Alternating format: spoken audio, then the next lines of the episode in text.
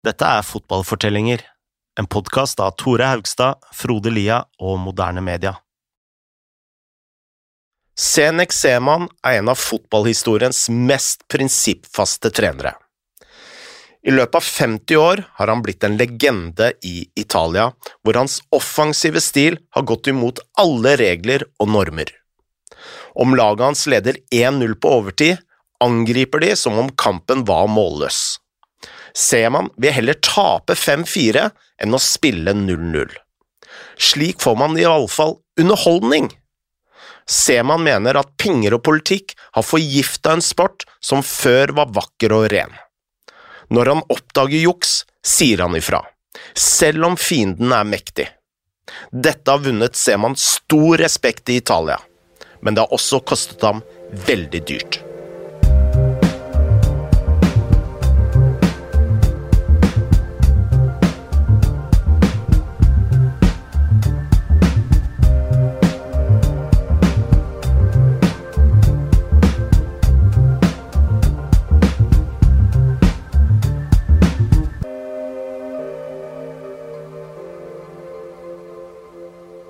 Senek Zeman ble født i 1947 i Praha, hvor han eh, som gutt spilte ishockey, volleyball, baseball og håndball.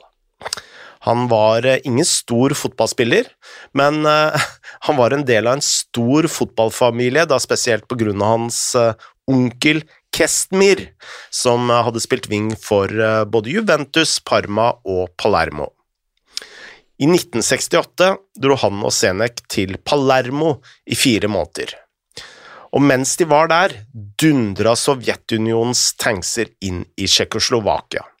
Så ser man han ble værende i Italia, og han fikk et italiensk pass, møtte en italiensk jente og begynte selvsagt å studere det alle gutter ønsker å studere, sportsvitenskap. Ja, og uh, Snart så ble jo Seman en slags adoptert italiener. Han hadde ingen planer om å dra tilbake til Tsjekkoslovakia, og da han ble 27 år, så fikk han en jobb i ungdomsakademiet til Palermo, hvor han begynte å trene U12-laget. Han fikk hele 40 cent per time, som uh, kanskje ikke er den best betalte jobben i Palermo på den tida, uh, men han elska det. Han ble værende i klubben i ni år, og han ble en spesialist på å dyrke frem unge talenter. I løpet av denne perioden så ble 60 spillere proffe i Palermo, og i Semans siste sesong så brøt hele seks spillere gjennom på A-laget i Serie B, som selvfølgelig er divisjon 2 i Italia. En del av hemmeligheten til Seman var et brutalt og gammeldags løperegime som han ofte skulle bli kritisert for. Mange sa at øvelsene var for tunge og at han kjørte spillerne for hardt. Og når Seman hørte dette, så svarte han at jo, de er kanskje det, men mine metoder har aldri tatt livet av noen som helst. Allerede i Palermo fantes det mange motsigelser i Seman. Selv om han eh, krevde at spillerne skulle være sunne og sterke, røyka han selv som en eh, skorstein. Ifølge The Blizzard skal han eh, visstnok røyke én sigarett per sjette minutt. I et intervju med samme magasin ble han spurt om hvor mange han røyka per dag, og da svarte han jeg teller dem ikke. Hvis jeg gjorde det, hadde jeg blitt så nervøs at jeg hadde røyka enda flere. I Palermo brøyter, så ser man sine egne regler. En kveld ferska han visstnok en rekke spillere idet de spilte kort til langt forbi sengetid. og ja, Jeg vet ikke om det var sånn med deg når du spilte ungdomsfotball, men det var jo ofte sånne eh, grenser for hvor, når vi måtte være i seng eller være tilbake fra byen eller sånne ting. Um, og eh, ser man da sa liksom at det her er altfor seint, dere burde jo egentlig legge dere. Men uh, i stedet for å beordre alle disse ungguttene til sengs, så uh, eh, henta han frem en stol, satte seg ned ved bordet og sa 'del ut til meg også'. Han og spillerne spilte poker eller hva enn det var, helt til sola sto opp, og så bøtela Seman både spillerne og seg sjøl. Da Seman eh, forlot Palermo, begynte han å klatre oppover i det italienske ligasystemet. I 1983 tok han over eh, Licata, som han eh, tok opp til Serie C1. Tre år senere tok han over eh, Foggia i samme divisjon, Og I 1987 ble han ansatt av Parma, som da var i Serie B, og som nettopp hadde mista Arrigo Sacchi til Silvio Berlusconis store Milan. Se, man hadde en veldig tøff jobb i Parma. Å følge etter Sacchi var som å ja, hoppe litt etter Wirkola, og flere nøkkelspillere hadde i tillegg dratt bort fra klubben samme sommer. Seman så ut til å få sving på ting i sesongavkjøringa da Parma slo selveste Real Madrid, som med Emilio Butragenio eh, var i ferd med å vinne den andre av sine fem strake La Liga-titler. Men Parma snubla inn i den offisielle sesongen, og etter syv kamper fikk Seman fyken. Men Seman gikk ikke arbeidsløs lenge. I 1988 dro han til Messina i sitt eh, kjære Sicilia, og her kunne man virkelig se trendene til eh, Semans lag. Den første sesongen skåra Messina flest mål av alle lag i Serie B, men de slapp inn også inn nest flest og havna midt på tabellen. Året etter dro han tilbake til Foggia, og det var der Seman virkelig skulle bli kjent. Seman rykka nemlig rett opp til Serie A med Foggia, og de neste tre årene der så skulle de sjokkere hele fotball-Italia ved å høvle over en rekke etablerte lag med en sinnssykt offensiv spillestil. Foggia kom først på niendeplass, så på tolvteplass, og så på niendeplass igjen, og i den siste sesongen var de nesten like ved å nå Uefa-cupen. Stjernene ser man dyrka frem i dette laget her, ble jo veldig kjente seinere, eh, og de inkluderte Luigi Di Biagio, Francesco Baiano, José Antonio Chamot og Dan Petrescu. Seman hentet ikke inspirasjon ut av det blå. Han hadde fått sine ideer fra Den danubiske skolen, en institusjon som ble utviklet av østeuropeiske fotballromantikere på 1930-tallet. De møttes i kafeer i Wien, Praha og Budapest, hvor de ble enige om at pasninger og kollektivet var bedre enn engelskmennenes mer individuelle stil, som, hvor man brukte mer driblinger og, og drag, mm. uh, som, det, som, det, blir kalt her, her på berget. Det var disse ideene som la grunnlaget for Østerrikes legendariske legendariske Wunderteam, som eh, var verdens beste landslag på 30-tallet. De var eh, artistiske, offensive og underholdende, og Seman sa senere at han hadde kopiert denne stilen. Alt jeg har endret, sa Seman, er tempoet og rytmen. På 70-tallet ble Seman også inspirert av Ajax sin totalfotball, eh, og da spesielt den rumenske treneren Stefan Kovacs, som kanskje er den liksom, litt mindre kjente treneren i denne perioden her, fordi han tok over etter Rinus Michels, som selvfølgelig anses som totalfotballens far. Det var Kovacs som tok Ajax til uh, um, topps i serievinnercupen i 1972 og 73. Ajax spilte 4-3-3, og Seman så dette og bare bestemte at ok, jeg skal ikke variere mellom ulike formasjoner og systemer, det blir ikke noe 4-4-2 eller 3-5-2 her. Jeg skal spille 4-3-3 hele tida, uansett bane, uansett lag. Han krevde deretter at backene skulle være i praksis som vinger, han ville at indreløperne skulle gå inn i boksen, eh, og han ville også at alle de tre fremste på topp skulle være inne i feltet nesten hele tida. Seman elsker også at Ajax alltid prøvde å vinne kamper, i motsetning til italienske lag, som først og fremst ville unngå å tape. Men Seman har aldri spilt som for eksempel Pep Guardiola. Hans eh, stil eh, ligner mye mer på den til Marcelo Bielsa, hvor ballen går i lengderetning veldig kjapt, og hvor intensiteten er høy hele tiden. Semans lag hviler ikke med ballen. Ved avspark kan de stille opp i en 2-0-8-formasjon eh, og banke ballen oppover eh, i et forsøk på å skåre et kjapt mål. Disse prinsippene skapte et fyrverkeri av et lag som sto i ekstrem kontrast til alle de andre lagene i Serie A.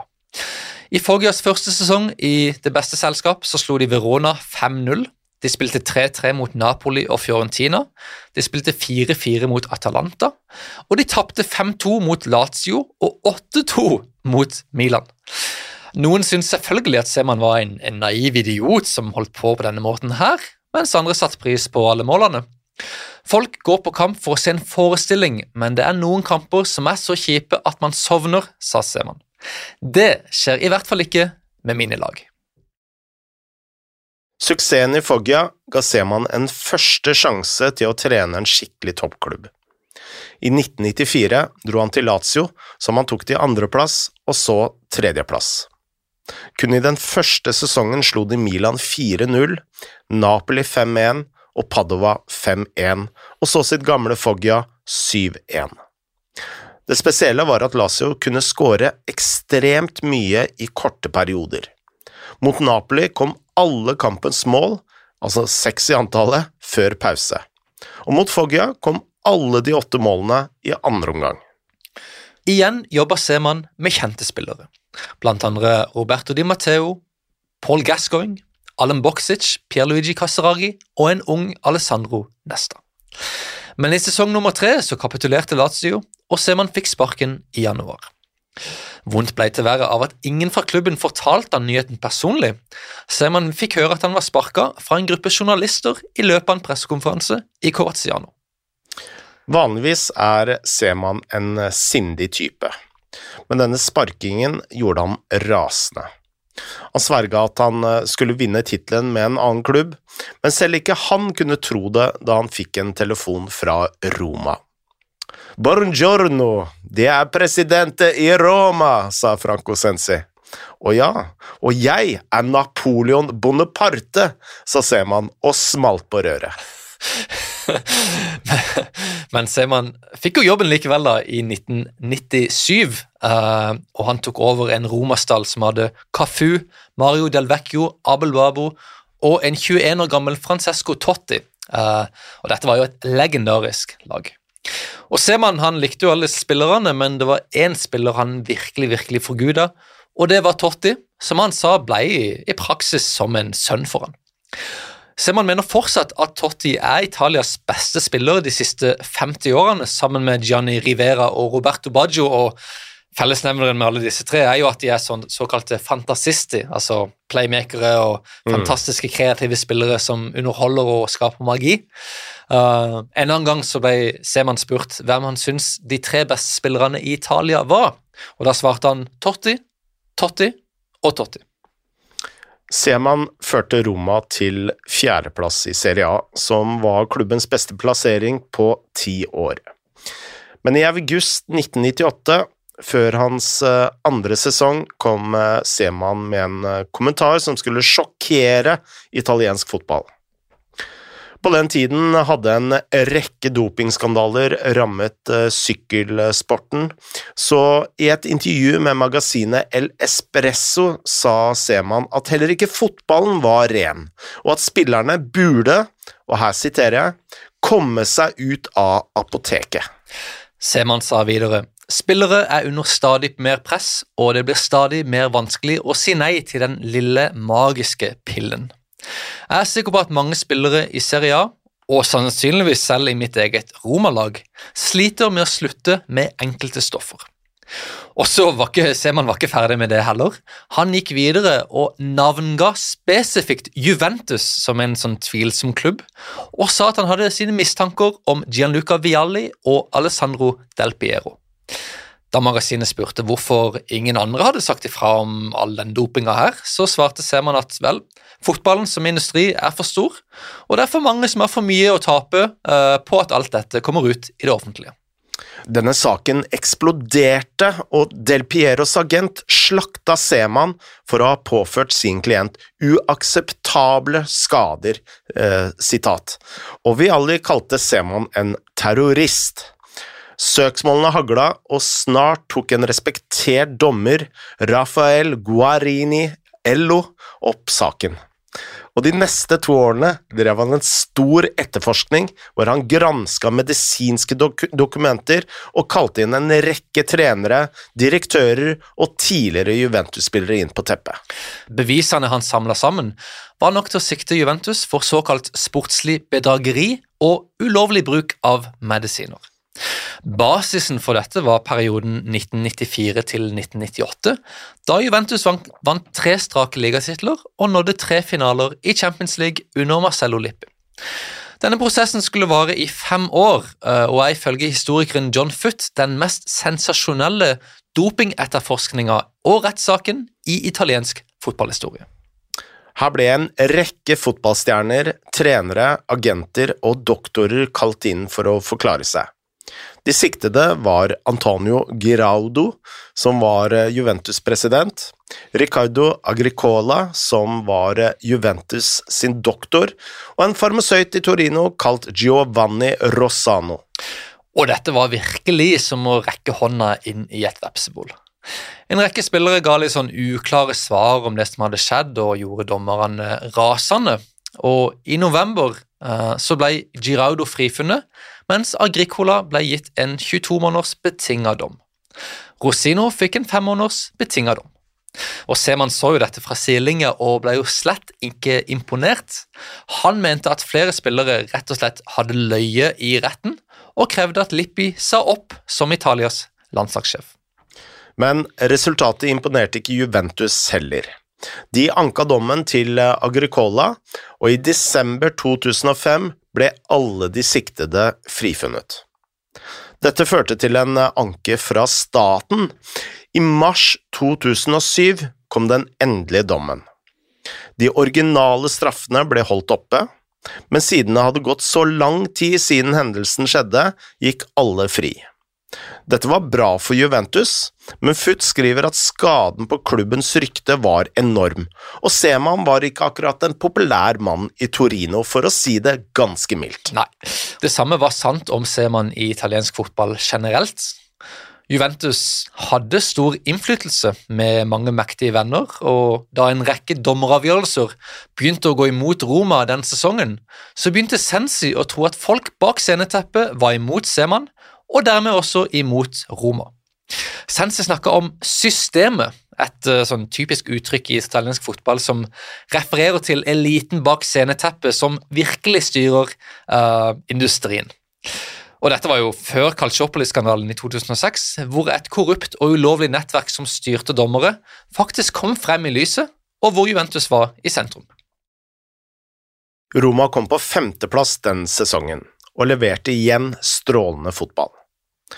Semanns jobb virker trygg, men ifølge James Horncastle begynte Sensi plutselig å bli urolig. På sommeren ble Seman sparka. Noen lurte på om dette faktisk handlet om resultater, eller om noe annet lå bak. Noen har lagt inn et veto mot Seman, skrev Alessandro Caponi i avisen La Repubblica. Noen har sagt til Sensi om du ikke sparker Seman, så vil Roma aldri mer vinne.